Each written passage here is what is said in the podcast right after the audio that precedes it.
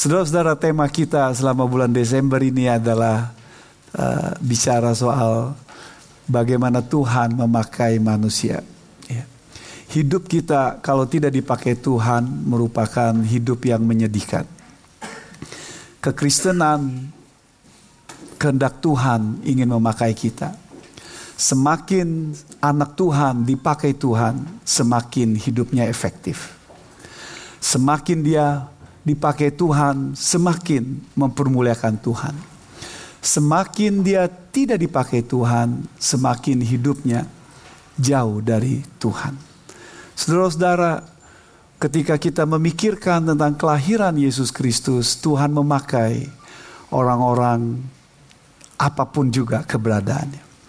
Dia memakai gembala yang sederhana, yang kelas bawah, kelas bawah Bahkan kebenaran untuk gembala itu tidak bisa dipertanggungjawabkan. Jadi memang direndahkan. Bersaksi di pengadilan tidak boleh, tapi dia dipakai Tuhan untuk mengabarkan Injilnya yang pertama.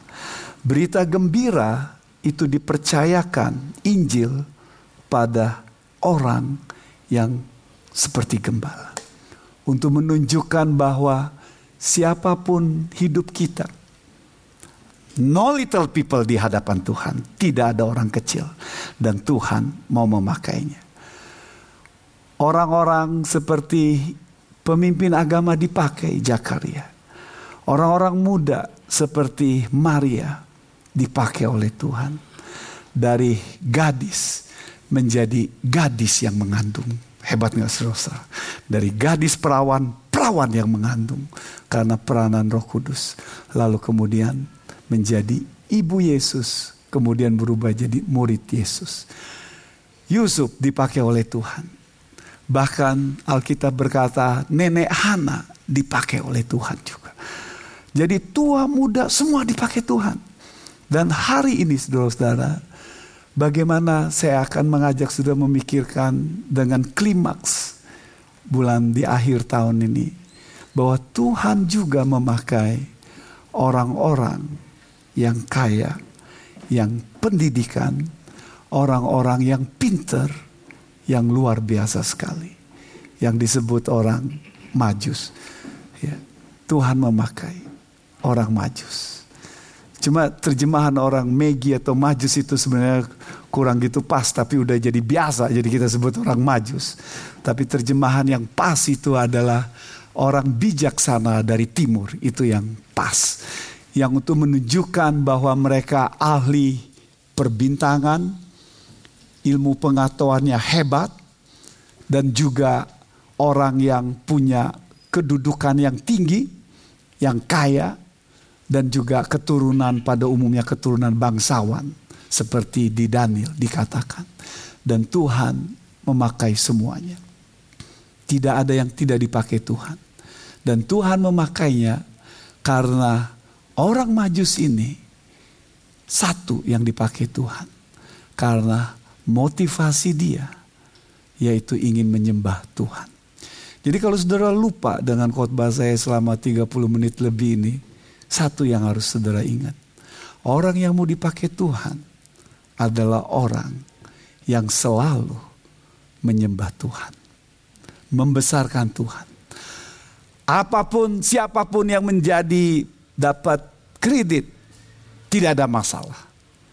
Yang masalah adalah Tuhan dibesarkan, Tuhan ditinggikan, pekerjaan Tuhan jadi besar, saudara-saudara.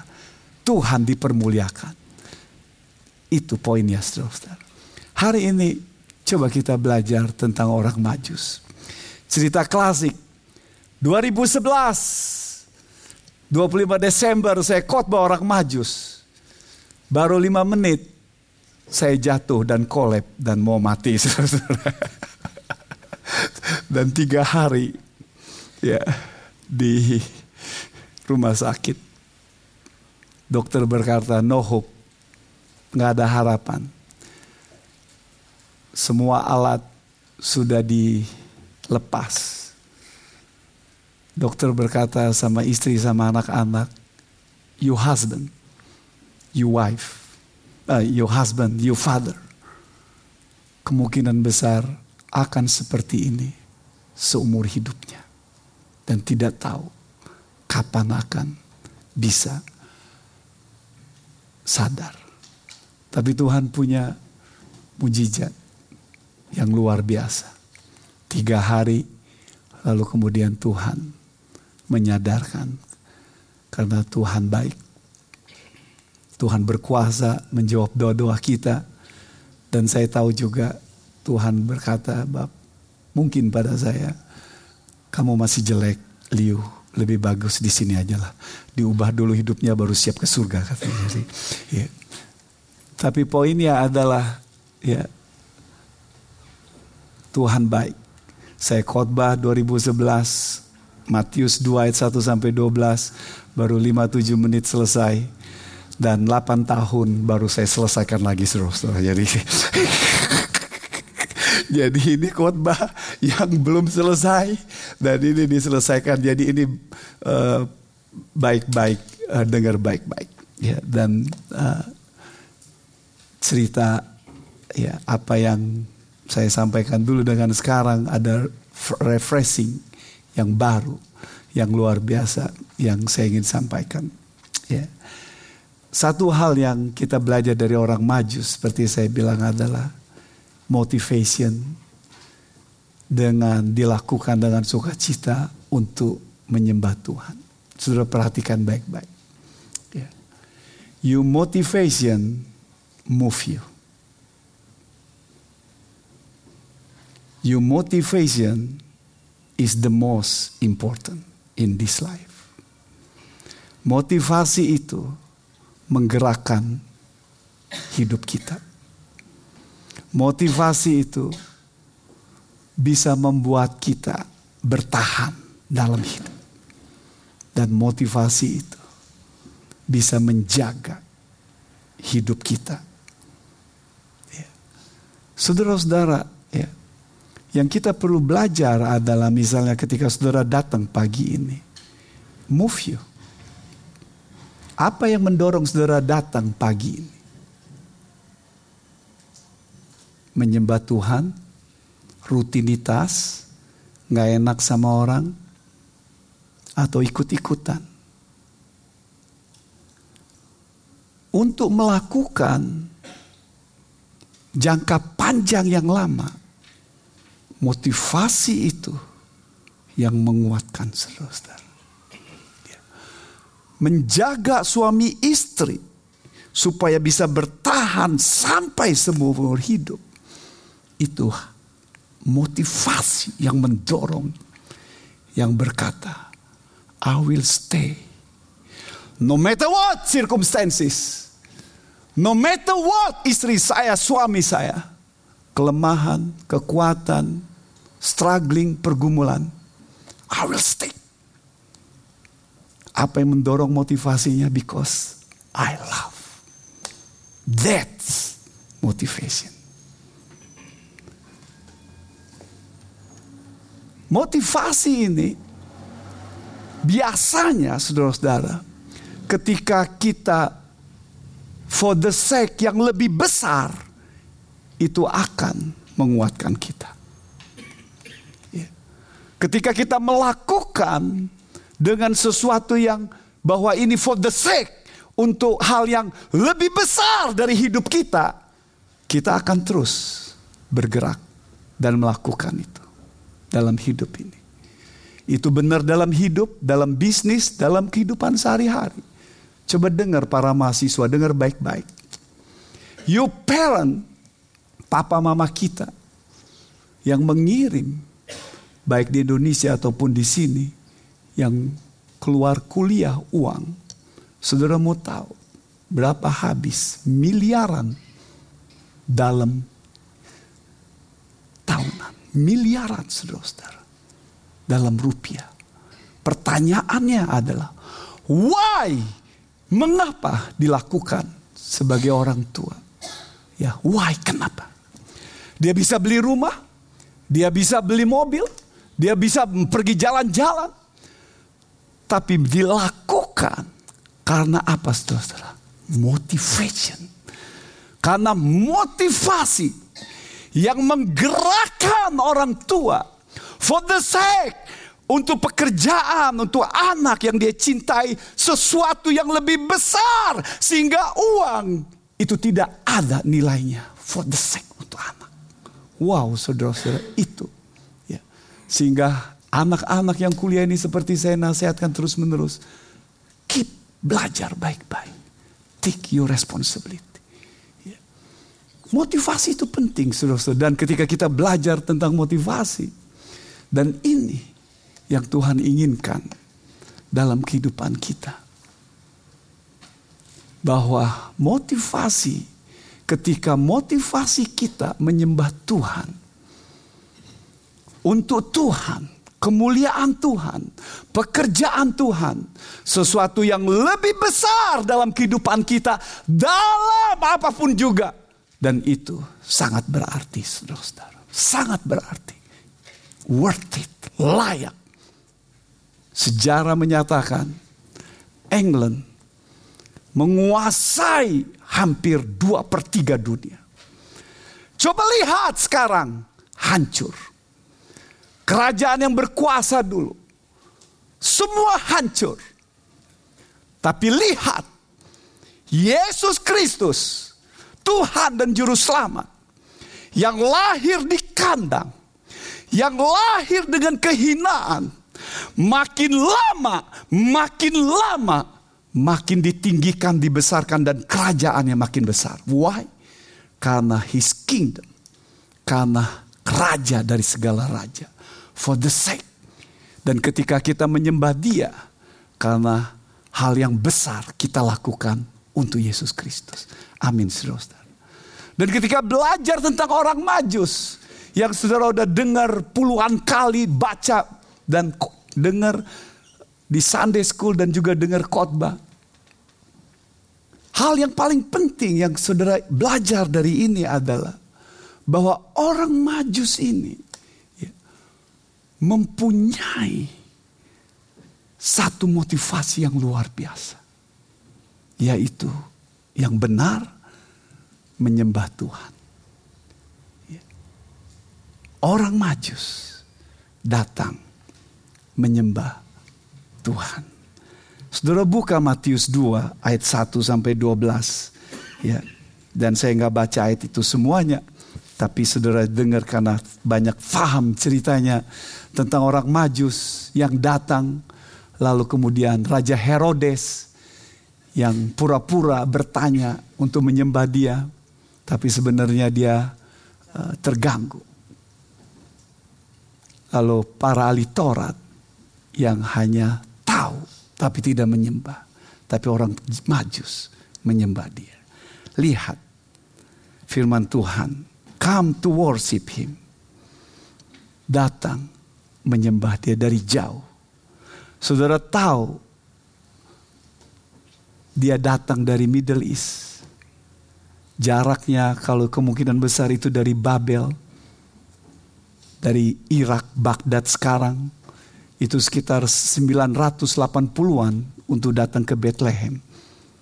Dan datang ke Yerusalem, lalu kemudian ke Bethlehem.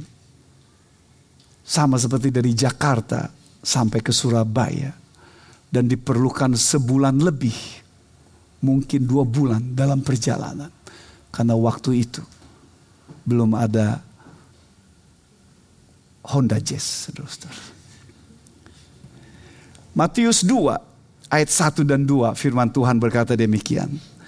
Sesudah Yesus dilahirkan di Bethlehem di tanah Yudea pada zaman Raja Herodes. Datanglah orang-orang majus dari timur ke Yerusalem dan bertanya-tanya, di manakah dia raja orang Yahudi yang baru dilahirkan itu? Kami telah melihat bintangnya di timur dan kami datang untuk menyembah dia. Saudara perhatikan lihat di situ. Orang majus dari timur yang kemungkinan besar itu dari daerah Baghdad, dari daerah Babel, dan jauh datang. Dan mereka berkata, kami datang untuk menyembah dia. Wow, saudara-saudara. Motivasinya simple, sederhana. Seperti saya katakan tadi, your motivation move you, menggerakkan dalam hidup kita. Dan tahu bahwa apa yang dilakukan itu lebih besar daripada dirinya.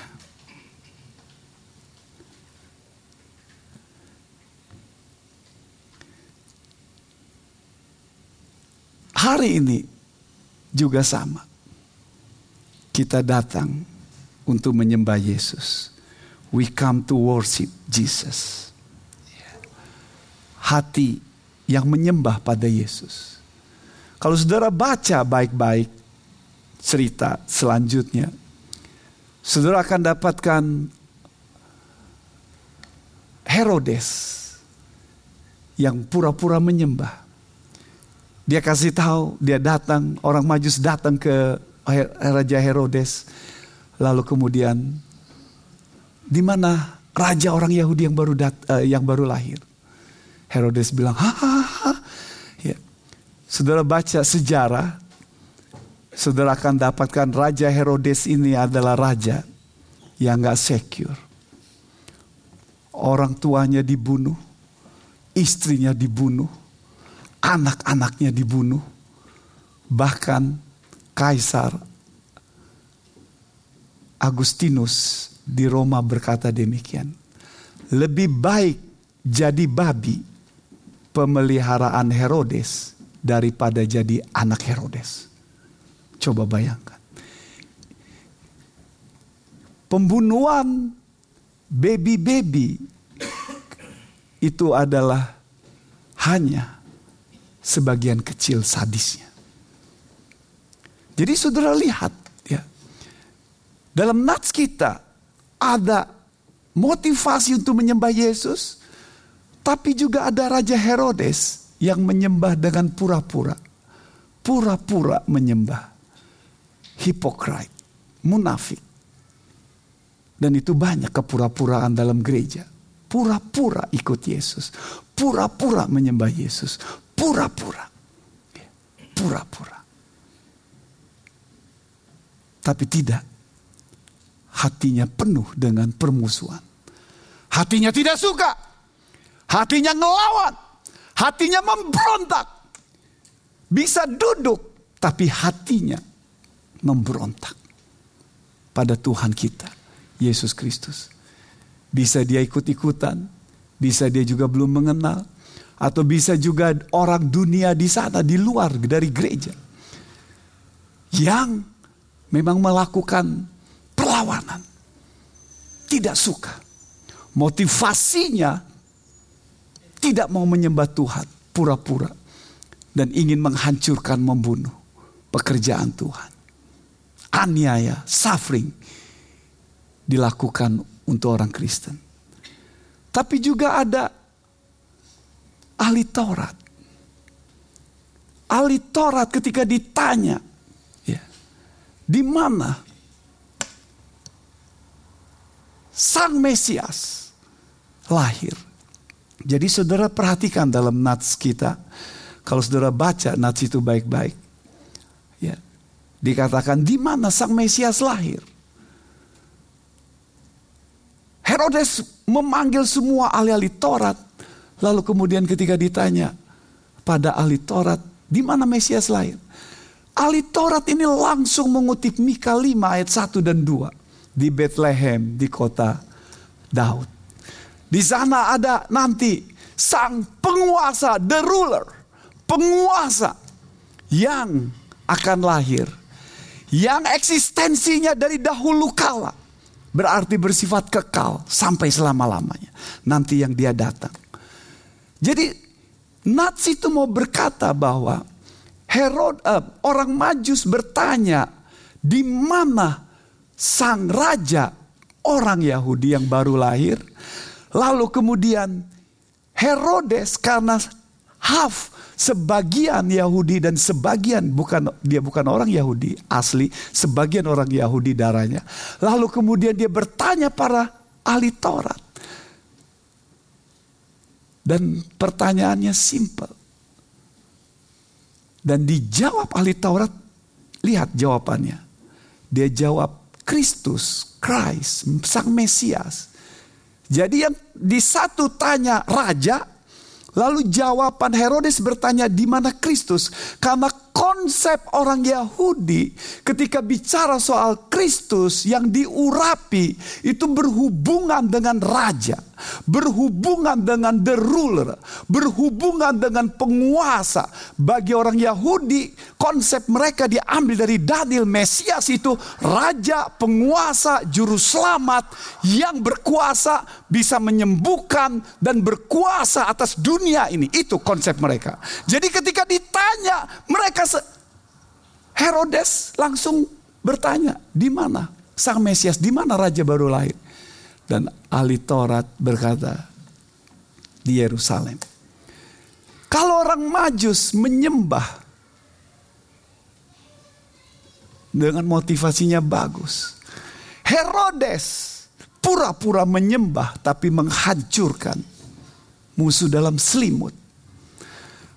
Tapi kalau ahli Taurat ini tidak punya hati. Tidak mau menyembah. indifferent, acuh tak acuh, masa bodoh, dingin. Tahu, tahu banyak, tapi hatinya dingin. Tahu tentang Tuhan, tapi hatinya tidak ada penyembahan. Dan itu banyak dalam kalangan Kristen. Seperti itu. Tahu dan setiap kita mungkin tahu Yesus Tuhan, Yesus Raja, Tuhan Juru Selamat. Tapi ketika berbicara soal hati yang menyembah, hati yang ingin memuliakan Tuhan, berbicara tentang hati yang begitu antusias menyembah Tuhan. No way. Karena tahu belum tentu mempunyai hati yang benar. Saudara harus membedakan antara tahu dengan hati. Karena banyak tahu, tapi belum tentu dia hatinya benar. Dan banyak tahu, belum tentu dia melakukan. Jadi ini yang sangat menarik saudara-saudara. Ya. Dan akhir tahun ini kita dipanggil untuk mengevaluasi Adakah hati kita seperti Herodes yang pura-pura menyembah, munafik? Atau hati kita seperti ahli Taurat yang indifferent? Tahun berganti, lama menjadi anak Tuhan, akan tetapi hatinya bukan makin dekat makin menyembah, tapi jauh dari Tuhan. That's tragedi. Orang majus tidak seperti itu. Orang majus dia jaga. Keep your motivation right. Memuliakan Tuhan, menyembah Tuhan dengan benar. Nah untuk belajar supaya kita bisa menyembah Tuhan dengan benar saya mengajak saudara memikirkan the mark of true worship supaya menolong saudara dan mengevaluasi kita supaya this is saya the right track. Yeah. Your action will reveal your heart. Sikap luar saudara akan menunjukkan hatimu, perkataanmu, tindakanmu, sikapmu, itu hatimu. Kita tidak boleh menuduh, kita tidak boleh menghakimi apa yang ada di dalam. Karena kita tidak tahu. Tetapi kita bisa mengevaluasi apa yang ada di luar. Dan saudara bisa mengevaluasi your behavior, your activity. Apakah itu sejalan dengan hatimu. Sehingga menolong kita supaya menjaga motivasi kita. I want to worship God. I want to worship Jesus dalam hidup kita. Your motivation to worship Jesus will be tested. Time, need, your situation, your problem, and your suffering. Akan diuji, akan dites. Dan biar kita terus kedapatan setia. Karena Tuhan akan memampukan kita, saudara-saudara. Dan menolong kita. Coba saudara perhatikan. Yang pertama, supaya menolong kita. Supaya motivasi kita dengan benar dijaga. Mengenal Yesus Kristus dengan benar. Worship yang sejati itu bukan aktivitas, bukan kegiatan. Kalau saudara kegiatan, saudara melayani karena kegiatan, karena jadwal, saudara akan capek, akan lelah. Saudara akan cari motivasi yang tidak bagus dalam hidup saudara. Dan fokus pada diri sendiri. Tapi ketika kita mulai dengan motivasi bahwa menyembah Yesus berarti saya harus mengenal Yesus Kristus dengan benar. Ayat 2 itu sekali lagi berkata, dan bertanya-tanya di mana dia raja orang Yahudi yang baru dilahirkan itu. Kami telah melihat bintangnya di timur dan kami datang untuk menyembah dia. Kenapa dia ratusan hampir seribu kilometer pulang dan ribuan pulang pergi datang penuh sacrifice, penuh dengan tantangan, perjalanan yang membahayakan karena dia mengenal raja. Bagi dia, the king of king, raja orang Yahudi. Ya. Matius sengaja menulis, sengaja menulis bahwa orang Majus berkata, di mana raja orang Yahudi yang baru lahir? Tapi yang berkata-kata itu adalah bukan orang Yahudi. Orang dari keturunan bangsawan dan orang-orang pinter, orang-orang dari Babel, ya, Mesopotamia, daerah sana. Itu berarti bahwa Matius ingin mengatakan Yesus the King of King itu bukan saja untuk orang Yahudi, tapi juga untuk semua orang. Apa buktinya? Orang Majus pun menyembah Tuhan, saudara-saudara. Raja di atas segala raja. Itu Yesus, Tuhan kita. Yang kita inferior. Ya, dia yang superior. Dia yang berkuasa, yang hebat. yang besar. Lihat ayat 5 dan 6 ketika ahli Taurat berkata, mereka berkata kepadanya, di Bethlehem di tanah Yudea karena demikian ada tertulis dalam kitab nabi. Dan kau Bethlehem tanah Yehuda engkau sekali-sekali bukanlah yang terkecil di antara mereka yang memerintah Yehuda karena daripada mula akan bangkit seorang pemimpin yang akan mengembalakan umatku Israel. Bahasa Inggrisnya pakai istilah the ruler. Pemimpin. Pemimpin yang nanti akan datang. Raja yang akan datang. Tapi yang menarik waktu Yesus datang tidak sebagai raja, hanya sebagai baby di palungan. Jadi apa maksudnya saudara-saudara?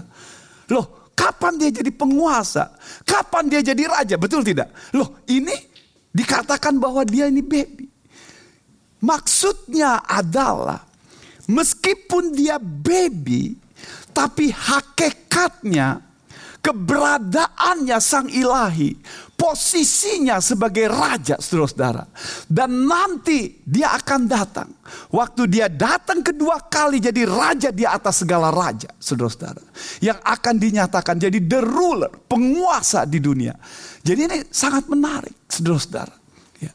Tapi poin yang mau dikatakan adalah simple, sederhana Worship itu harus tahu siapa yang kita sembah. Saudara tidak bisa datang ke gereja lalu kemudian Ozayanya datang. Ya. Harus jelas. Ketika melayani, siapa yang kau layani? Itu yang membuat kita bertahan seumur hidup kita. Tapi kalau saudara datang hanya sekedar rutinitas setiap minggu, rutinitas pelayanan, dan dilakukan dengan kegiatan yang seperti itu dan tidak mengevaluasi secara serius, why I do it, itu sangat berbahaya. Karena mengapa kita lakukan dan kepada siapa kita lakukan itu sangat penting daripada kegiatan itu sendiri, saudara-saudara. Dan itu yang harus kita jaga dalam hidup ini. Yesus yang orang majus kenal bukan baby yang masih kecil. Karena itu di rumah berarti itu udah Yesus udah udah sekitar tidak baby lagi, kemungkinan satu dua tahun. Itulah sebabnya Herodes dalam ceritanya nanti dia akan membunuh dua tahun ke bawah.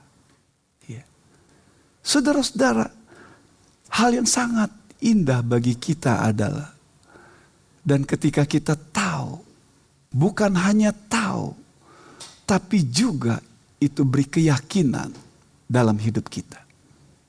Yang mengubah kita. Saya biar kasih cerita, ilustrasi. Karena tahu dengan kenyataan hidup, sikap hidup kadang-kadang berbeda. Saudara.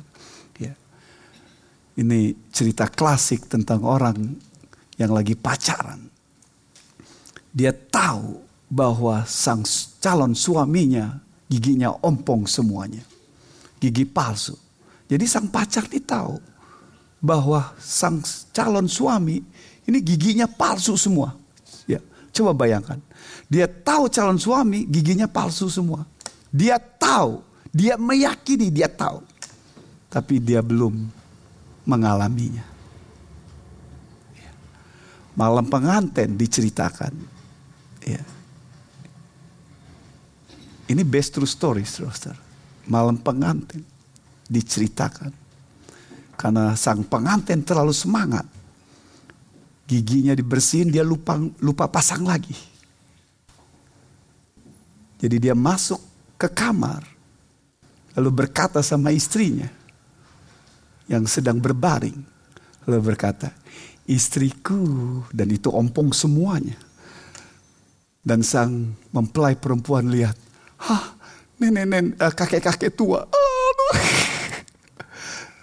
Dan dia kaget. Luar biasa sekali. Dan mengubah malam hari itu. Tahu tapi berbeda dengan kehidupan. Saudara-saudara, biarlah kita bukan seperti orang ahli Taurat, tapi kita seperti orang Majus. Dia tahu Yesus raja di atas segala raja dan hatinya datang untuk menyembah. Pengenalan yang benar itu akan membuat motivasi kita bagus. Yohat benar. Kalau pengenalannya salah, itu bisa menghancurkan. Yang kedua, saudara-saudara, supaya menjaga motivasi kita untuk terus bertahan, coba lihat evaluasi. Mark yang kedua, menyerahkan diri dengan segenap hati. Worship selalu dimulai dari your heart, dari hati. Yang tunduk, yang taat. Saudara perhatikan ketika saudara tidak taat, saudara kalah dengan hal-hal yang tidak bagus dalam kehidupan saudara. Saudara lihat hatimu. Itu pertanyaan harus dibereskan. Ya. Lihat hatimu. Ketika saudara bergumul dengan satu, salah satu dosa atau kebiasaan atau karakter yang tidak bagus dalam hidup saudara, perhatikan apakah itu sudah diserahkan total sama Tuhan atau belum. Orang majus menyembah Tuhan dengan dia worship. Dia kaya, kedudukan, hebat. Tapi dia bow down, dia menyembah kepada Tuhan Ayat itu berkata demikian. Ketika mereka melihat bintang itu sangat bersuka citalah mereka. Bintang yang menuntun mereka. Yang merupakan satu kemuliaan Tuhan. Maka masuklah mereka ke dalam rumah itu dan melihat anak itu bersama Maria ibunya. Lalu sujud menyembah dia. Mereka pun membuka tempat harta bendanya dan mempersembahkan persembahan kepadanya itu emas, kemenyan, dan mur. Saudara perhatikan di situ, sujud menyembah. Istilah yang dipakai di situ adalah bow down. Artinya badan yang membuat kaki berlutut dan tersungkur ke bawah. Sampai tanah menyembah. Dan itu sama anak kecil. Yesus yang masih baby tapi punya kuasa. Wow, saudara-saudara. Yesus yang masih kecil. Tapi mereka mengerti siapa yang mereka sembah. Dan mereka menyembah Yesus Kristus. Hati yang menyembah. Itulah sebabnya Roma pasal 12 ayat 1 dan 2 dimulai dengan sebelum melakukan pelayanan, aktivitas, kasih dan sebagainya. Pentingnya untuk hati yang menyembah Yesus, serahkan tubuh kita. Menyerahkan diri kita pada Tuhan. Anak kecil di, dikasih tahu sama grandpanya. Ini papa saya kasih tahu anak yang masih kecil, keponakan saya. Namanya Liu Hancung. Ya, karena dipanggil ada dulu majalah kunc ada majalah uh, apa itu ada majalah, majalah yang mirip-mirip jadi namanya kuncung kuncung jadi dipanggil kuncung kuncung kecil yang anak kelas 1 SD ya dia papanya tinggal di Kota Agung, 100 kilo dari Tanjung Karang tempat saya tinggal. Anaknya ini agak stubborn, keras. Suatu kali dia duduk tempat sesuatu yang membahayakan. Papa saya berkata, Hancung, berdiri, bangkit, nanti kamu terluka. Kuncung, enggak, enggak, enggak. Ya. Dia nggak mau, nggak mau. Ya. Terus dipukul sama papa saya karena papa saya biasa main tangan. Jadi dia pukul, saya juga dipukul. Jadi dipukul. Si kuncung ini dari duduk gini, muter sini. Pukul sini, sini. Pukul sini, sini. Nggak mau bangkit berdiri.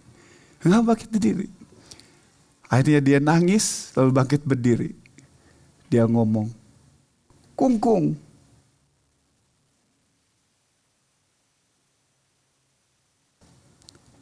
Dalam hati saya ngelawan. Tapi saya bangkit berdiri. Tapi hati saya ngelawan. That's not obedience. Worship dimulai dengan hati yang menyembah Tuhan. Ketika hati kita menyembah Tuhan, itu akan jadi beda. Worship mulai seperti itu. Dan itu dilakukan dengan segenap hati dilakukan dengan joy, saudara-saudara. Joy, sukacita. Kenapa your behavior itu sedikit disobedient? Kita masih melawan. Masih bertindak tidak bagus. Dan memang betul kita masih human being, perlawanan. Tapi semakin kita hati kita submit, tunduk, dan respect, hormat, hati yang menyembah pada Yesus Kristus dengan segenap hati, itu akan jadi berbeda, saudara-saudara. Menyembah dengan luar biasa sekali. Hati akan jadi taat, lebih bagus. Ya. Dalam worship, kita harus juga hak, punya hati dalam menyembah, dalam ikut Tuhan harus punya hati dalam pelayanan. Ya, ada ungkapan seperti ini, heart without he itu hanya art performance. Pelayanan Ikuti Yesus. Saudara hilangkan, hi, hilangkan Yesus Kristus. Yang ada hanya rutinitas, yang ada hanya performance, yang hanya hanya kegiatan biasa seperti itu. Dan Tuhan ingin kita dijamah, diubah. Enggak, enggak seperti itu. Hati, hati yang pada Tuhan. Bukan setengah hati, bukan tidak punya hati, bukan pura-pura.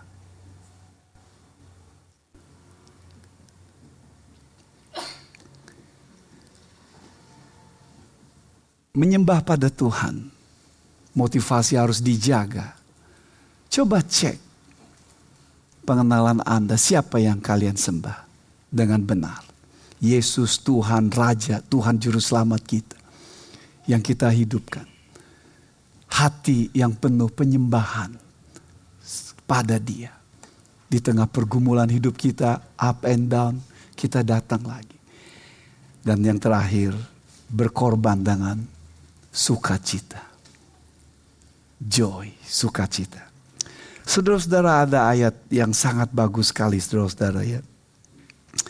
Ayat 10 itu dimulai dengan ketika mereka melihat bintang itu sangat bersukacitalah mereka bahasa Inggrisnya pakai istilah terjemahannya itu they rejoice with great joy. Jadi dua istilah yang dipakai, mereka bersuka cita dengan sukacita yang melimpah yang besar. Saudara tahu istilah mega? Mega, mega itu bahasa Yunani, artinya besar, besar, besar, besar, besar. Jadi ayat ini yang dikatakan joy-nya itu mega, joy-nya besar ya sekali. Joy, hatinya joy. Karena ketemu Yesus, karena dapat Yesus, karena Yesus yang menjadi center, yang menjadi treasure, Yesus yang menjadi pusat penyembahannya itu, dia dapatkan, saudara. Dan ketika saudara bersuka cita dapatkan yang lebih besar, you sacrifice itu nggak ada artinya. Karena saudara sudah dapatkan yang lebih besar. Dapat Yesus. Jadi bagi orang majus, dia memberikan persembahannya dengan joy, dengan sukacita. Emas, kemenyan, dan mur. Emas lambang kemuliaan. Kemenyan, lambang daripada imam katanya. Sebagai minyak urapan. Mur, lambang daripada kematian Yesus Kristus. Tapi poinnya ini barang-barang mahal. Ya. Bukan barang murah. Mur itu bukan lawannya baut, saudara. Mur baut-baut yang kita ada. Bukan, saudara-saudara. Ini soal rempah-rempah yang wangi, yang mahal sekali. Ya.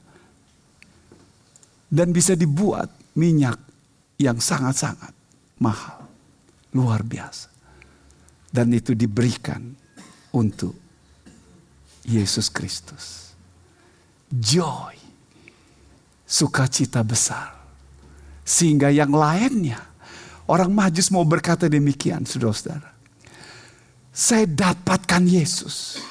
Saya dapatkan raja di atas segala raja. Saya dapatkan sang Mesias. Saya dapatkan raja di atas segala dunia ini Tuhan dan juru selamat saya. Saya dapatkan dan barang yang saya punya itu saya sebagai pengabdian, penghargaan, dan dedikasi saya. Ini tidak sebanding dengan what I have. Perjalanan ribuan kilometer itu tidak sebanding dengan apa yang saya dapatkan.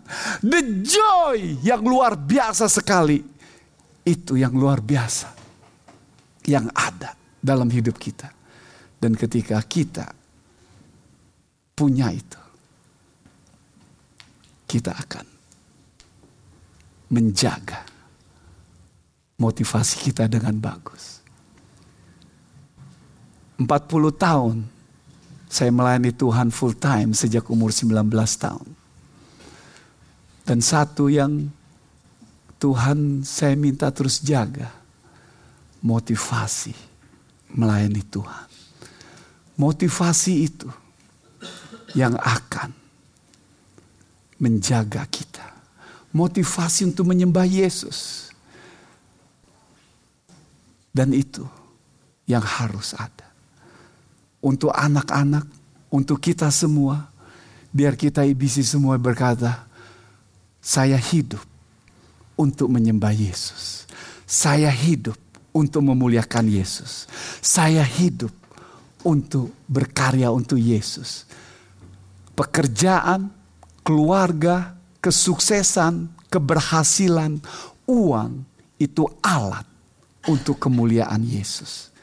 Dan kita, semakin kita punya desire seperti itu, semakin Tuhan memakai hidup saudara lebih indah dalam kehidupan kita. Saudara berkata sepanjang tahun ini hidup saya tidak seperti itu. Tahun 2019 sudah berakhir, aduh ketika menengok ke belakang saya jauh dari seperti itu. Tuhan penuh belas kasihan dan penuh kasih karunia dan beri kesempatan untuk kita. Beri kesempatan kembali, masih ada tahun depan dan masih ada tahun sekarang. Kalau saudara dulu penyembahannya munafik, saudara hatimu asal-asalan, hatimu acuh tak acuh dan tahun ini diakhiri dengan berkata, "Tuhan, jamah hidup saya, perbarui hati saya untuk pengenalan yang benar. Yesus Tuhan Raja, bukan hanya knowledge, tapi juga my dedikasi my heart dan my gift to you as proof dan dilakukan dengan joy dan sukacita bersama-sama. The joy of the Lord yang menguatkan kita. Mari kita berdoa bersama-sama.